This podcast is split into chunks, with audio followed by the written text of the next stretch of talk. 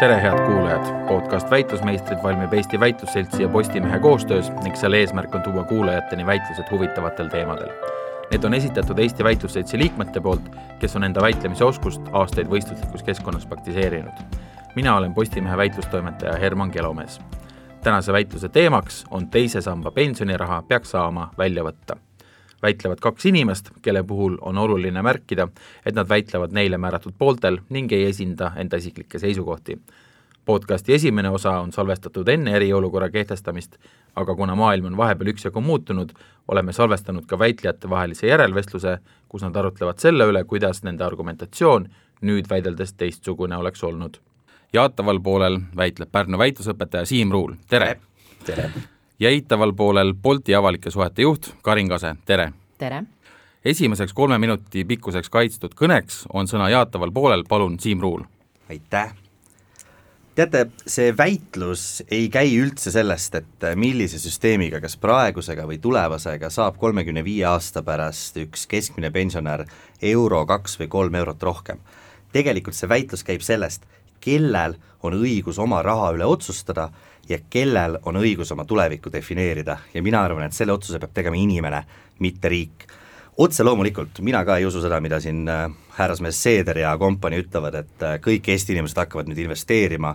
ja saavad hästi rikkaks. ma arvan, et seda ei juhtu. küll aga ma usun, et on kaks väga ägedat argumenti, mis seda pensionireformi ja raha väljavõtmist toetavad. esiteks, ma arvan, et inimestel on põhimõtteline õigus ise defineerida oma tulevikku see on meie elu, mida me elame, mitte keegi teine seda elada ei saa, ainult meie oleme need, kes äh, meie enda otsustest äh, kannatavad või võidavad ja sellest tulenevalt meil on õigus iseenda üle otsuseid teha. ja sama põhimõtet me järgime riigis muidu ka, näiteks me ei sunni inimesi tegema kohustuslikku elukindlustust, me ei sunni inimesi kohustuslikult minema keskkooli, me sunnime ainult neid inimesi koolis käima, kes on alaealised, kes ise veel ei suuda otsuseid teha, ja me piirame inimeste vabadusi, paneme neile ekstra kohustusi, kui nad teevad kellelegi kahju. selles olukorras tegelikult minu võit ja minu kaotus on ainult minu enda asi. ehk siis põhimõtteliselt minul peab ise olema õigus otsustada, mida mina oma rahaga teen, mulle lisakohustusi panna ei tohi. teiseks, ma arvan, et on väga palju praktilisi kasusid täna, mida inimene saaks, kui ta saaks selle raha välja võtta, millest võib olla siis ka hiljem pensionieas äh, väärtust. toon kolm näidet väga selgelt näiteks kui ma tahan osta täna kinnisvara, siis väga paljudel inimestel, kes Eestis töötavad keskmise palgaga, ei ole lihtsalt panga sissemakset. see pensioniraha, keskmiselt kuus tuhat eurot, mis Eesti inimestel on, see on see raha, mida nad saaksid sissemakseks kasutada. ja pane tähele, ka pensionieas on see väga-väga hea mõte, sest need pensionärid, kes täna elavad allpool vaesuspiiri, nemad siis äh, noh, väga-väga paljudel neil see probleem ongi sellest, et nad ei oma ise oma kinnisvara, eks neil on veel ekstra kulutusi, see on investeering. teine asi, kui ma näiteks tahaksin äh, toetada oma lapsi, mul on vaja saata, ma tahaks saata oma lapse välismaale ülikooli, mul on see raha olemas, millega ma saaks kindlustada nii oma laste tulevikku kui potentsiaalselt enda tulevikku, siis ma täna ei saa seda raha kasutada. selle raha abil on mul võimalik kindlustada äh, nii oma lastele kui endale parem tulevik, sest ma investeerin haridusse. täna see raha lihtsalt seisab. kolmandaks, ma arvan, et me oleme täna väga naeruväärses olukorras, kus mul on raske haigus, mul on vaja meditsiinilisi erivahendeid, ravikuure, mis maksavad võib-olla tuhandeid eurosid, mul on raha olemas, et seda teha, aga ma saan seda raha kasutada alles pensionieas. aga selleks, et pensioniikka jõuda, mul on vaja seda raha kasutada. ehk siis tegelikult selle raha kasutamine tagaks mulle paremad võimalused ma arvan, et kokkuvõttes on oluline, et inimene ise saaks selle rahaga otsuseid teha, sest ainult inimene ise teab, mis tema jaoks on see kõige õigem, kõige parem tee, isegi kui kellelegi tundub, et see ei ole täna õige mõte, siis inimesel endal peab olema see otsustusõigus. aitäh, Siim, nüüd on Karinil võimalus Siimult kaks minutit küsimusi küsida. No nii, suur tänu selle kõne eest, Siim, et enne kui sa täna siia väitlema tulid, sa kindlasti tutvusid natukene ka statistikaga, et kui palju sinu hinnangul, kui nüüd inimesed võtaksid oma raha teisest pensionisambast välja, kui palju keskmisel inimesel seda raha siis ka kätte jääks? eks need summad ju erinevad inimesest, aga nii palju, kui siin meediast lugeda, siis kuskil kuue tuhande euro kanti peaks olema keskmisel inimesel seal neid varasid, keskmiselt sa tõid meile siin suurepäraseid näiteid kinnisvara investeeringutest ja, ja, ja laste tuleviku ja meditsiini investeerimisest, et millise kinnisvara sissemaksega kuue tuhande euro eest saab tänapäeval? Ma arvan, et noh, näiteks mina Pärnusse oma korteri sain nagu kenasti kuue tuhande eurose sissemaksega, sest et Pärnus on korteriturg veits nagu lebam kui Tallinnas. aga küsimus ei olegi ju selles, et sa pead saama sellest terve korteri või terve sissemakse, kui sa saad juba pool, tähendab see seda, et sa saad oma elukvaliteeti märkimisväärselt kiiremini parandada, sest sul on võimalik ülejäänud sissemakse kiiremini koguda. aitäh ja siis teine küsimus, mis mul on, on see, et kuidas see teisest pensionisambast raha väljavõtmine võiks mõjutada nende inimeste tulevikku, et kes neile tulevikus pensioni maksab? vot see on hea küsimus, mina arvan, et väga paljud nendest inimestest on võimelised endale ka veel raha väljavõtmise järel selle süsteemiga siis nii, kuidas loodud on, see süsteem ka uuesti liituma, esiteks. teiseks ma arvan, et, et iva on selles, et inimene peab ise otsustama, millist elu ta vanaduspõlves elada tahab. võib-olla ei olegi õige see, et meie solidaarselt kõik maksame mõne inimese halbu otsuseid kinni. Aga see on hoopis teine väitlus, küsimus on selles, kas täna mul peaks olema õigus enda raha kasutada, mida riik nagu kinni hoiab. aitäh! aitäh, nüüd on Karinil võimalus esitada eitavalt poolelt kolme minuti pikkune kõne. mina olen seisukohal, et teisest pensionisambast ei peaks saama raha välja võtta, sellepärast et esiteks halvendab see inimeste enda tuleviku seisukorda ja teiseks on see kahjulik ka riigile. miks halveneb inimeste elukvaliteet tulevikus, on see, et praegused küsitlused näitavad, et iga kaheksas inimene kavatseks kindlasti raha välja võtta pensionisambast ja umbes pooled inimesed kaaluvad seda. Kui me nüüd mõtleme, et enamikel inimestel on teises sambas alla kümne tuhande euro, noh, nagu Siim siin ütles, et kui nüüd kakskümmend protsenti on ju, võtab riik veel sellest tulumaksu, järgi jääb niisugune noh, viis tuhat kuni kaheksa tuhat eurot fakt on see, et selle eest ühtegi päris pikaajalist investeeringut ei saa, ühtegi tõsiseltvõetavat kinnisvara sissemakset või äh, tõesti siin näiteks ka, nagu Siim tõi näiteks ravikuuri, mis on reeglina, on ju, kui me kogume siin äh, kollektiivselt raha mõne inimese aitamiseks, siis tihtipeale selle kuue tuhande euro eest paraku mitte midagi väga mõistlikku osta ei saa mis tähendab seda, et tegelikult kulub see raha inimeste olmeküsimustele, olemasolevate laenude maksmisele ja nii edasi. mis tähendab seda, et tulevikus on nende inimeste elukvaliteet oluliselt halvem Eesti Panga analüüsi põhjal juhul, kui inimene kogub teise pensionisambasse raha, siis oleks tema pension umbes nelikümmend protsenti keskmisest palgast ja ilma kogumata oleks umbes kakskümmend kaheksa protsenti. mis tähendab seda, et kui täna on keskmine palk tuhat nelisada eurot, siis see teeks vastavalt kas viissada kuuskümmend eurot koos siis sambaga või kolmsada üheksakümmend kaks eurot ilma sambata. ehk siis see on veerandi võrra vähem raha. kui sa nüüd mõtled ühe pensionäri peale, siis tegelikult see summa on väga-väga märkimisväärne ja kui me nüüd läheneme lihtsalt puhtalt utilitaristlikult, siis inimesele endale oleks igati kasulik seda raha mitte välja võtta, sellepärast et kui ta paneb ise praegu palgast kaks protsenti pensionisambasse, riik paneb sinna neli protsenti juurde, siis sisuliselt inimene saab iga aasta riigilt tasuta raha. nii et äh, inimesele endale igal juhul oleks kahjulik see raha välja võtta ja teiseks oleks see kahjulik riigile, kui inimesed võtaksid teisest pensionisambast raha välja tänasel valitsusel kahtlemata oleks kasulik, kui inimesed selle raha välja võtavad, nad saavad kakskümmend protsenti tulumaksu, on ju, nad ei pea seda nelja protsenti pensionisammast inimestele maksma, aga see plaan on äärmiselt lühinägelik. selge on see, et tulevikus peab keegi neile inimestele selle pensioni kinni maksma ja seda teevad töötavad inimesed kuna Eesti rahvaarv väheneb, rahvastik vananeb, siis kolmekümne, neljakümne aasta pärast, kui meie siin Siimuga hakkame pensionile jääma, siis peavad töötavad inimesed veel rohkem makse maksma selleks, et nende inimeste, kes on siis täna otsustanud selle raha kulutada olme peale, nende pension kinni maksta. nii et kokkuvõttes riigi võimekus seda raha mingite mõistlikumate asjade peale kasutada väheneb oluliselt ja üks väike nüanss veel, mis mind ennast näiteks isiklikult on väga palju mõjutanud, on see, et, et see vähendab oluliselt inimeste usku riigi toimimisse. kui mulle öeldakse viisteist aastat tagasi, et hakkame nüüd kõik koos sambasse raha koguma ja siis täna öeldakse mulle, et davai, aga me tegime, mõtlesime ümber, lammutame selle süsteemi laiali, võtame raha välja ja mõtleme kõik ümber, siis minu usk isiklikult riigi pikaajalistesse plaanidesse ja selle jätkusuutlikkusse toimimisse väheneb oluliselt. nii et esiteks, inimestel endal on kahjulik see raha sambast välja võtta ja teiseks on see riigile pikas pikas perspektiivis ka kahjulik, nii et ma arvan, et seda ei tohiks tegelikult lubada. aitäh, Karin, nüüd on Siimul võimalus Karinit kaks minutit küsitleda. aitäh, Karin, väga huvitavad argumendid, mul on ka paar küsimust, esiteks, miks on siis nii, Karin, et me ei ole seadnud inimestele kohustuslikku elukindlustust, et kõik inimesed peaksid kohustuslikult oma elu ka kindlustama, see oleks ju ka mõistlik mõte perspektiivi mõttes. pärast ei pea keegi meid üleval pidama, kui meil midagi juhtub. jah, ma arvan, et see oleks ka mõistlik mõte, et see, et riik on mingis äh, kohas midagi tegemata jätnud, ei tähenda seda, et me peaksime mingi teise asja ka ära lõhkuma. ja, ja kohustuslikult peaksime ka kasko panema kõigile peale, et seadma kõik, kõik asjad, mida sa tulevikus võiksid endale halvasti teha, et me peaksime siin kohustuslikus korras sundima raha riigikassadesse panema, et siin ootama liikluskindlustus näiteks on kohustuslik, aga liikluskindlustus ju kaitseb teist inimest, aga ennast ma kaitsen kaskoga, mis ei ole kohustuslik seda küll, aga näiteks Haigekassat me ju maksame kõik täpselt samamoodi solidaarselt selle mõttega, et kui sul ühel päeval midagi juhtub, siis sa tegelikult sellel päeval saad ennast aidata ise mõtteliselt, on ju, et ma leian, et pensioni äh, puhul peaks täpselt samamoodi tegema, et äh, riik peab mingites situatsioonides ikkagi lapsehoidjat mängima, me ei saa usaldada, et inimesed kõik teevad enda jaoks lõpuni mõistlikke otsuseid, mistõttu riik selles situatsioonis peab inimeste tuleviku eest hoolitsema. olgu, mul on üks küsimus veel, ma tahaks küsida su käest nii, et sa rääkisid, et võib-olla kolmekümne viie aasta pärast kuskil kolmkümmend viis, nelikümmend protsenti oma endisest palgast ma saan ja siis tõid mulle nagu näite, et noh, seal see vahe on siis tänases vääringus oleks seal nelisada midagi eurot ja kolmsada midagi eurot oleks siis see nende pensionite vahe, kas mul on sammas või ei ole. et miks ma ei või täna valida paremat elu oma perele, endale,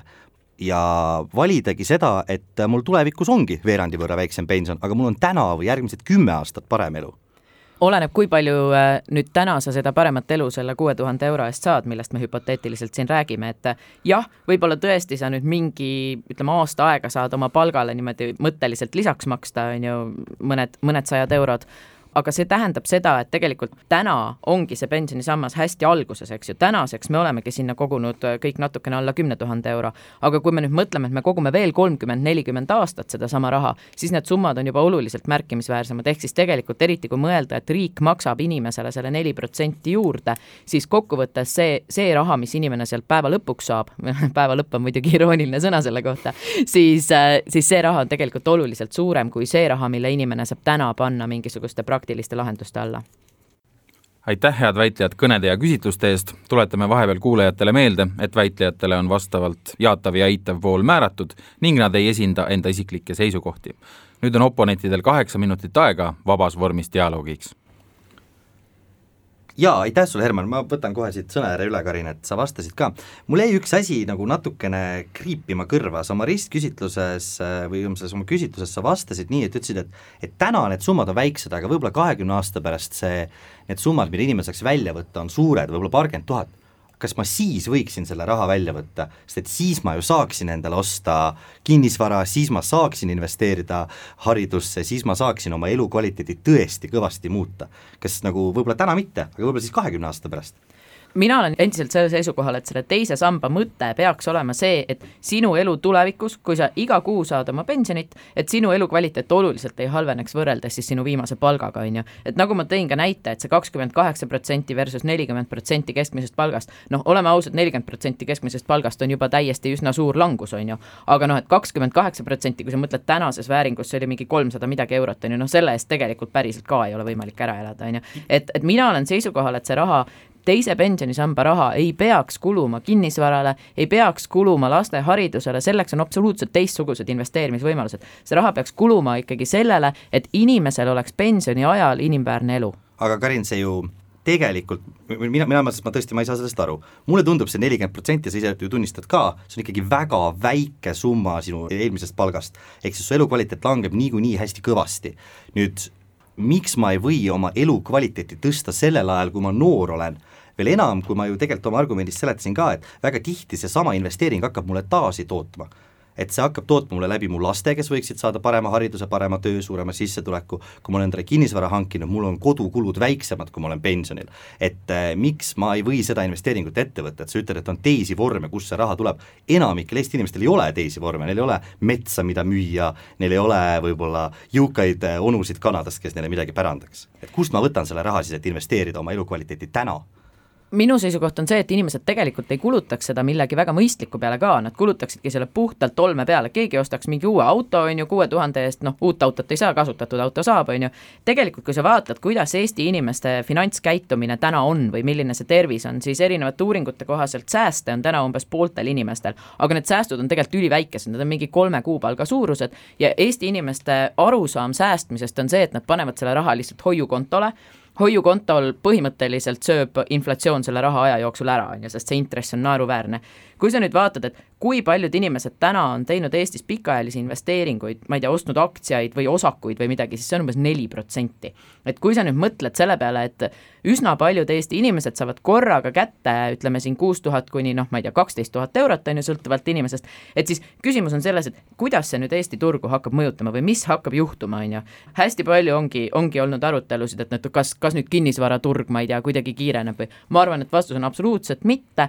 võib-olla kiireneb, ma ei tea, alkoholimüük, võib-olla kiireneb mingisuguste kasutatud autode turu äh, ringlus, aga tegelikult inimesed ei oska selle rahaga ratsionaalselt ümber käia ja see ongi see, kus riik peab appi tulema inimestele. vot ja vot see ongi see koht, millest ma nagu aru ei saa, et miks ta peab tulema appi? Või noh, sul oli ka terve argument sellest, kuidas riigil oleks õudselt halb, kui inimesed hakkaks seda raha välja võtma, miks mind peab huvitama see, kuidas riigil läheb? Või näiteks kui mina olen see tark investor, mina oskaks oma rahaga ümber käia, miks mind peaks huvitama see, et sina ei oska, et sina ei ole sellega hakkama las ma ütlen sulle, miks see sind peab huvitama. sellepärast, et neljakümne aasta pärast, kui mina olen kogu oma raha ära kulutanud, siis sina, kui sa oled mõistlik inimene ja oma raha hoidnud äh, kokku ilusti, siis tegelikult sellel päeval sina pead mind ülal pidama, on ju, meil on ikkagi selline äh, solidaarne sotsiaalsüsteem, mis tähendab seda, et tegelikult sulle tollel päeval, kui sina oled oma raha ära kulutanud, maksavad pensionit need inimesed, kes sel päeval käivad tööl. aga miks meil siis on niisugune süsteem või noh, et sa ütled, et me peame täna inimesi sundima kohustuslikult koguma raha,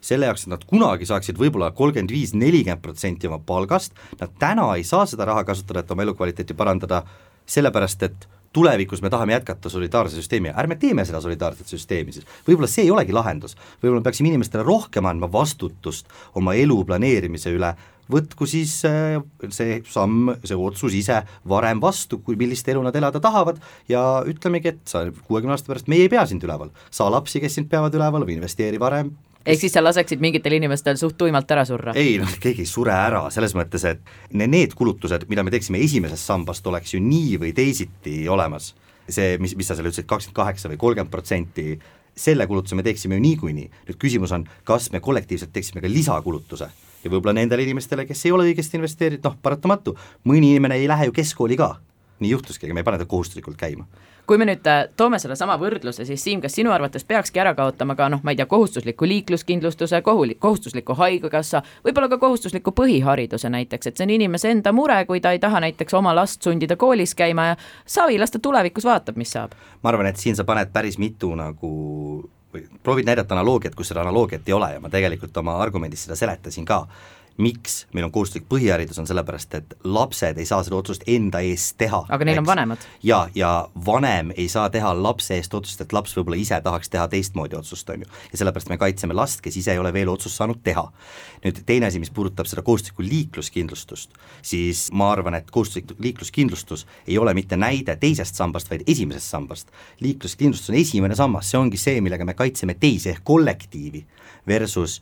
kasko on see, millega me ju kaitseme ennast, ehk siis kaskot ma küll ei teeks kohustuslikuks, jah, see, millega me teisi kaitseme, ehk siis meie kollektiivi, meie ühist rahakotti kolmekümne aasta pärast okei aga räägime sammas. Haigekassast näiteks. riik võtab mult iga kuu üsna suure koguse sotsiaalmaksu, üsna suur protsent minu palgast, sellepärast et kui ma äkki ühel päeval jään haigeks, siis sisuliselt ma olen täna maksnud ise selle eest, on ju, kuigi noh, reaalsus on, on ju täpselt samasugune nagu pensioniga, et täna maksan mina kinni need inimesed, kes täna vajavad meditsiinilist abi ja kolmekümne aasta pärast, kui mina hakkan seda vajama, siis loodetavasti maksab keegi teine, on ju. et kas siis kohustuslik haigekassa, kas, kas see on ka samasugune asi, mis peaks ära kaotama? see on väga hea küsimus, see on väga-väga hea küsimus, et kuidas me saame paremat meditsiiniabi, et ju seda küsimust küsitakse ju täna üle maailma ja ka ju enne viimaseid Eesti valimisi Reformierakond siin korra flirtis selle ideega, kas kas äh, muuta Eesti tervisekindlustussüsteemi. et ma arvan, et, et see, et sa ütled, et, et meil täna on Haigekassa, viitaks justkui, kui see ongi ainuvõimalik ja kõige õigem viis, kuidas solidaarselt midagi, mingit probleemi lahendada, tervisekindlustust pakkuda, ma arvan, et see ei tõesta seda, et see on hea plaan. et maailmas on väga palju riike, kus on väga hea tervishoiusüsteem, näiteks Ameerika Ühendriigid, kus ei rakendata seda süsteemi. tõsi, ja ma, ma olen nõus, seal kindlasti on olemas need probleemid vähekindlustatud inimestega, eks, aga see on hoopis nagu teine väitlus ja teine vaidlus, kas Haigekassa süsteem toimib. kui me räägime sellest pensioni kogumisest, siis seal on üks palju olulisem tahk, võrreldes selle tervisekindlustusega, see tahk on selles, et ka minu tänane elu, elukvaliteet on nagu oluline ja näiteks sellesama, kui ma saaksin investeerida kinnisvarasse, see võimaldaks mul täna, järgmised viis, järgmised kümme aastat elada paremat elu miks ma pean täna ohverdama kümme aastat, et elada oma elu videviku teel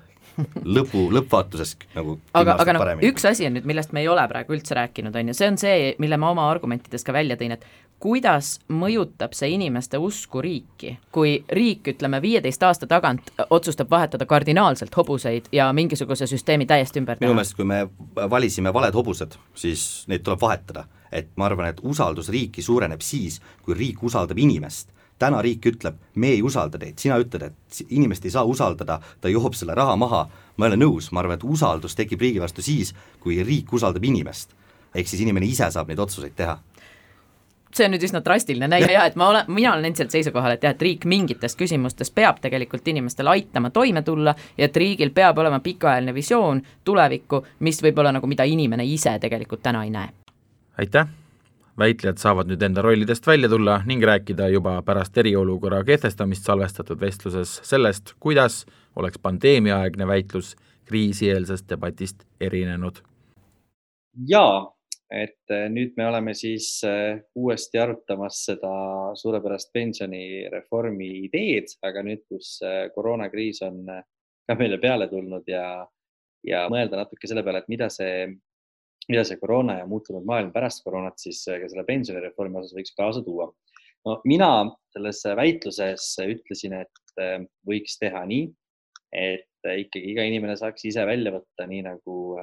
selle raha, mis tal kogunenud on, nii nagu siin valitsus ja, ja Riigikogu on, on ka oma siis tahet väljendanud. ja nüüd, kui mõelda, et mis siis nagu siin selles pärast suurt, suurt siis epideemiat võiks olla muutunud ma arvan, et eh, võib-olla üks asi, mis, mis on, on nagu justkui nagu sealt ka minu poolelt natukene, eh, natukene selgemaks saanud, on see, et, et kui inimestel on rasked ajad, siis eh, neil on vaja mingisugust nagu puhvrit ja et noh, et kui ma mõtlen täna selle peale, et et kui ma jään oma tööst ilma, mu elukaaslane jääb oma tööst ilma, meil ei ole raha, et, et poes käia, et siis oleks tegelikult väga tore, et meil oleks olemas mingi puhver, millega ennast nagu üleval pidada. noh, iseasi siin, eks, on selles, et kas siis, kas siis täna elada pensioni arvelt ja mis siis saab siis, kui, kui ma vanaks jään ja mul sedasama raha pole. aga, aga ma mõtlen, et noh, et, et võib-olla siia niisugust nagu nüanssi lisades sellesse väitlusesse, siis see niisuguse puhvri ja kellel on õigus seda puhvrit millal kasutada. ma arvan, et see on nüüd siin täna pärast seda koroonakriisi küll, küll päris aktuaalne või mis sa arvad, Kari? Ja ma olen sinuga selles mõttes täiesti nõus, et kui me vaatame on ju töötuse numbreid, siis iga nädal meil tuleb siin nüüd paar tuhat töötut juurde on ju koroonakriisi ajal. Äh, täna on vist umbes mingi viissada või viiskümmend tuhat tähendab neid töötuid, mhm. et, äh, et noh, see tähendab seda, et äh, kindlasti palju rohkemad inimesed võtaksid selle raha välja, onju, ja suure tõenäosusega neil inimestel oleks sellest rahast ka rohkem kasu, et ta ei läheks võib-olla nii palju selliste investeeringute peale, millest me seal väitluses rääkisime, ma ei tea, korteri ost või auto ost, et võib-olla tegelikult see olekski just selline nagu ellujäämise turvapadi on ju inimestel, et sa saad reaalselt maksta oma mingid kommunaalmaksud ära, sa saad osta endale süüa, sa saad, noh, ma ei tea, mida iganes sa pead tegema, on ju, sellel hetkel, kui sa oled päriselt oma sissetuleku kaotanud. ma arvan, et see, see on nagu palju rohkem tegelikult hakkama saamise küsimus täna aga kui me muidugi äh, räägime selle seaduse päris arengutest, siis äh, vahepeal äh, on juhtunud muidugi sellest ajast, kui me rääkisime see, et Riigikogu võttis selle seaduse vastu, on ju, mingisuguse vahva pakettseaduse osana. President lükkas selle korduvalt tagasi, sellepärast et ta hindas, et see on põhiseadusega vastuolus. Ja nüüd, nüüd siis hakkab Riigikogus kohus seda arutama ja Riigikohtu otsus peaks tulema ilmselt, ilmselt sügisel. Et, äh, et noh, kui nüüd rääkida sellest, et kas see seadus on, on siis nüüd nagu üks mõistlik mõte, et siis äh, mina toetasin seda poolt, et ei ole ja, ja, ja mul on hea meel näha, et, et ka Eesti president oli samas seisu, samal seisukohal, et no., et üldiselt see nagu Eesti poliitikas siiski päriselt hetkel nagu ei toimi selline lahendus, onju. no ja võib-olla, võib-olla siin täpsustada, et, et, et selles väitluses ka ma väga selgelt ütlesin, et ma kindlasti ei soovi kaitsta seda Äh, seltsimees Seeder ja kompanii äh, plaani äh, sellest, kuidas Eesti pensionireformi läbi viia, vaid pigem, et see põhimõtteline küsimus, kas, kas inimesel peaks olema õigus ise oma raha üle otsustada. kusjuures ma mõtlesin ühe teise asja peale veel, mis, mis võib-olla siin meil nagu jutuks tuleb, et, et okei okay,, et täna on ju ma seda raha veel välja võtta ei saa Äh, võib-olla siis, äh, kui Riigikohus peaks äh, Riigikoguga nõus olema, mitte presidendiga, saan hakata seda siis võib-olla siin poole ütleme siis aasta pärast välja võtma, eks ole, kui see otsus alles sügisel tuleb. et võib-olla siis ka see kriis on nagu läbi. aga mis ma nagu mõtlesin selle peale, et et täna, eks ole, kõik need, kõik see raha, mis mul nendes fondides on, eks, et see ju põleb, see, see kõik põleb ära ja et noh, et, et isegi kui see kaalukauss, et mis saab nagu tulevikus, kas mul, kas mul viiekümne aasta pärast on seda raha vaja sama palju, kui mul seda täna on vaja, et siis võib-olla see üks perspektiiv siia juurde tegelikult on selles, et noh, tore oleks, kui mul viiekümne aasta pärast seda raha oleks, on ju. et, et võib-olla üks nagu põhjus, miks noh, et ka näiteks täna, kui oleks see võimalik seaduslikult, et, et kui seda raha saaks välja võtta või see mehhanism oleks juba varasemalt loodud, et siis ma, ma arvan, et, et ma ka ise, kes ma noh, nagu indiviid nagu ise, kuigi väitlus on teisel poolel, aga ise toetan seda, et inimesel, äh, inimesel peaks olema mingi tagavara, siis ma arvan, ma ka praegu kaaluks päris nagu kõvasti, et võib-olla seda raha välja võtta ja, ja paigutada see, paigutada see mingisugusesse natukene stabiilsemasse siis äh, investeeringuvormi, kui, kui seda võiks olla äh, siis võlakirjad või aktsiad, mida siis, mida siis praegu pensionifondides on sa arvad, et sa oled kõvasti targem investeerija kui kõik need inimesed, kelle töö see igapäevaselt on? ei ole, ei ole, ei ole, ei ole, ei ole. Äh, ma arvan, et ma ei ole kindlasti targem investeerija, kui me räägime mingist viiekümne aasta perspektiivist või kui me räägime miljonitest äh, ja kümnetest ja sadadest miljonitest eurodest. kindlasti ei ole, absoluutselt ei ole. aga ma arvan, et mul täna, noh, minul õnneks on ja kahjuks paljudel inimestel ju ei ole, aga mul õnneks oleks võimalus see raha, noh, näiteks investeerida kinnisvarasse, mille võib-olla tootlus oleks madalam, võib-olla mille äh, nagu siis äh, pikaaegne nagu selline tootlus oleks võib-olla poleks, poleks nii hea, kui oleks äh,, oleks nende, nende fondidega, aga samal ajal äh, mul oleks võimalik selle, sellest nagu kohe hakata midagi vastu saama ja samal ajal ma ei, ma ei põleta sedasama raha ära, mida ma nüüd äh, viimased kakskümmend aastat kogunud olen äh,. sellepärast, et äh, kõik need fondid äh,, fondid kukuvad ja ei, selles mõttes äh, küll, et ma saan aru, et Eesti pensionifondidel on äh, noh, üleüldiselt on ju inimesed vaatavad kurva näoga, kuidas, äh, kuidas nende raha vaikselt nagu väheneb, mitte ei kasva. Ja, ja et võrreldes tegelikult teiste Euroopa riikidega on, on meil ikkagi pensionifondidel oluliselt halvemini läinud, et ma ei tea, see on täitsa omaette küsimus, et kas, kas see on olnud nagu kuidagi, kuidagi pahatahtlik või, või, või nagu selline abitu nende inimeste poolt, kes, kes neid fonde siis haldavad või et, et, et kuidas, kuidas see nagu niimoodi on läinud. aga, aga ja, ei, ma olen küll nõus, et täna ma võib-olla ise isegi kui ma teeksin sama halvad otsused oma, oma raha haldamisel, et siis ma vähemalt saaksin sellest süüdistada iseennast ja öelda, et ma olen teinud oma, oma rahaga nagu maksimaalselt ise, mis ma heaks arvan ja, ja pannud selle kuhugi, kuhugi, kus ma saan ainult ennast süüdistada, kui see ei kasva nii palju, kui see võiks. ma tahtsin arendada veel seda mõtet, et, et noh, vaata, kui me rääkisime on ju sellest, et võib-olla inimesed investeeriksid tegelikult vähem, on ju, ja, ja rohkem kulutaksid olme peale, et noh, täna tegelikult muidugi on olemas äh, Töötukassal mehhanism, kus inimesed saavad oma, oma palgakärpe eest või noh, selle arvelt nagu raha tagasi, onju, et sealt juba kümned tuhanded inimesed, ma saan aru, tegelikult ju taotlevad raha või noh, täpsemalt raha taotlevad nende tööandjad. et, et selles mõttes ma olen endiselt seisukohal, et see on selles mõttes jabur mõte, onju, et inimesed järjest rohkem ostaks selle eest noh, ma ei tea, kas siis leiba ja piima või, või õlut ja kooki, aga, aga lihtsalt, et, et noh, et tegelikult on olemas need mehhanismid, mis mis äh, toetavad inimesi sellel hetkel, kui, kui neil on päriselt vaja hakkama saada, nii et noh, mõnes mõttes seda raha selleks kulutada ei, ei ole ikkagi väga mõistlik. ja ei, ma olen nõus, et, et noh, natukene on jäänud mulje ka noh, tänases ju Eesti poliitikas, et et selle jaoks, et lubada inimesele siis sellest kriisist väljumist, neid samu mehhanisme näiteks, mida sa kirjeldasid, on riigil kuskilt vaja raha, on ju, üks on see laenuraha, mida võetakse, aga teine raha võiks olla see ops, aga me ei maksa enam juurde siis sellesse äh, ütleme pensionikindlustusse või me peatame omapoolsed maksed, on ju siis lootuses, et varsti saab niikuinii need peatada, arvestades, et äh, see ei ole enam ka kohustuslik süsteem näiteks on ju. et, ähm, et mul on natuke sihuke hirm, et seda süsteemi hakatakse hästi lihtsasti või juba kasutatakse niisuguse populismi, populismi, populistlike poliitikute poolt ära, et, äh, et noh, tegelikult see pension ei peaks olema asi, mille üle me igapäevaselt nagu vaidleme, et siis kohe, kui on nagu raskem aeg, siis me otsustame nagu selle pensionifondi nagu ära õgida ja ära nagu lõigata, ära kärpida. et, et see peakski olema selline väga selge pikaajaline nagu suunis, pikaajaline tegevus on ju, et, et me otsustamegi ära nagu mingi põlvkonna, kahe põlvkonna jaoks selle tee, kuhu me läheme. sellepärast, et muidu me oleme nii, nagu sa tipptunni ajal sõidad, on ju liikluses, vahetad ridu, vahetad ridu, aga lõpuks oled sa ikka täpselt sama kaugel nagu seal valgusfoori all, et, et, et kuhugi ei jõua ka, et kui sa valid selle ühe rea, jõuad palju, palju kiiremini edasi, et, et.... väga nõus, et see on seesama, millest ma ka seal väitluses rääkisin, on ju, et see mõjutab ikkagi väga tugevalt seda, et kuidas inimesed oma riiki suhtuvad, kas ma usun, et meie riigil on olemas üks pikaajaline plaan meie jaoks, et noh, kuidas me mingisuguseid valdkondi reguleerime või noh, täpselt nagu sa ütled, on ju, et iga kord, kui jälle on majanduslikult raske hetk, mis noh, tõenäoliselt ikkagi iga kümne või paarikümne aasta jooksul tuleb jälle, et siis äh, vaadatakse, et jah, davai, et võtame jälle sealt pensionifondist välja, isegi kui, kui see ohu, noh, et selles mõttes ma loodan küll, et see Riigikohtu otsus saab olema üks selline pikaajalist suunda, suunda anda. täpselt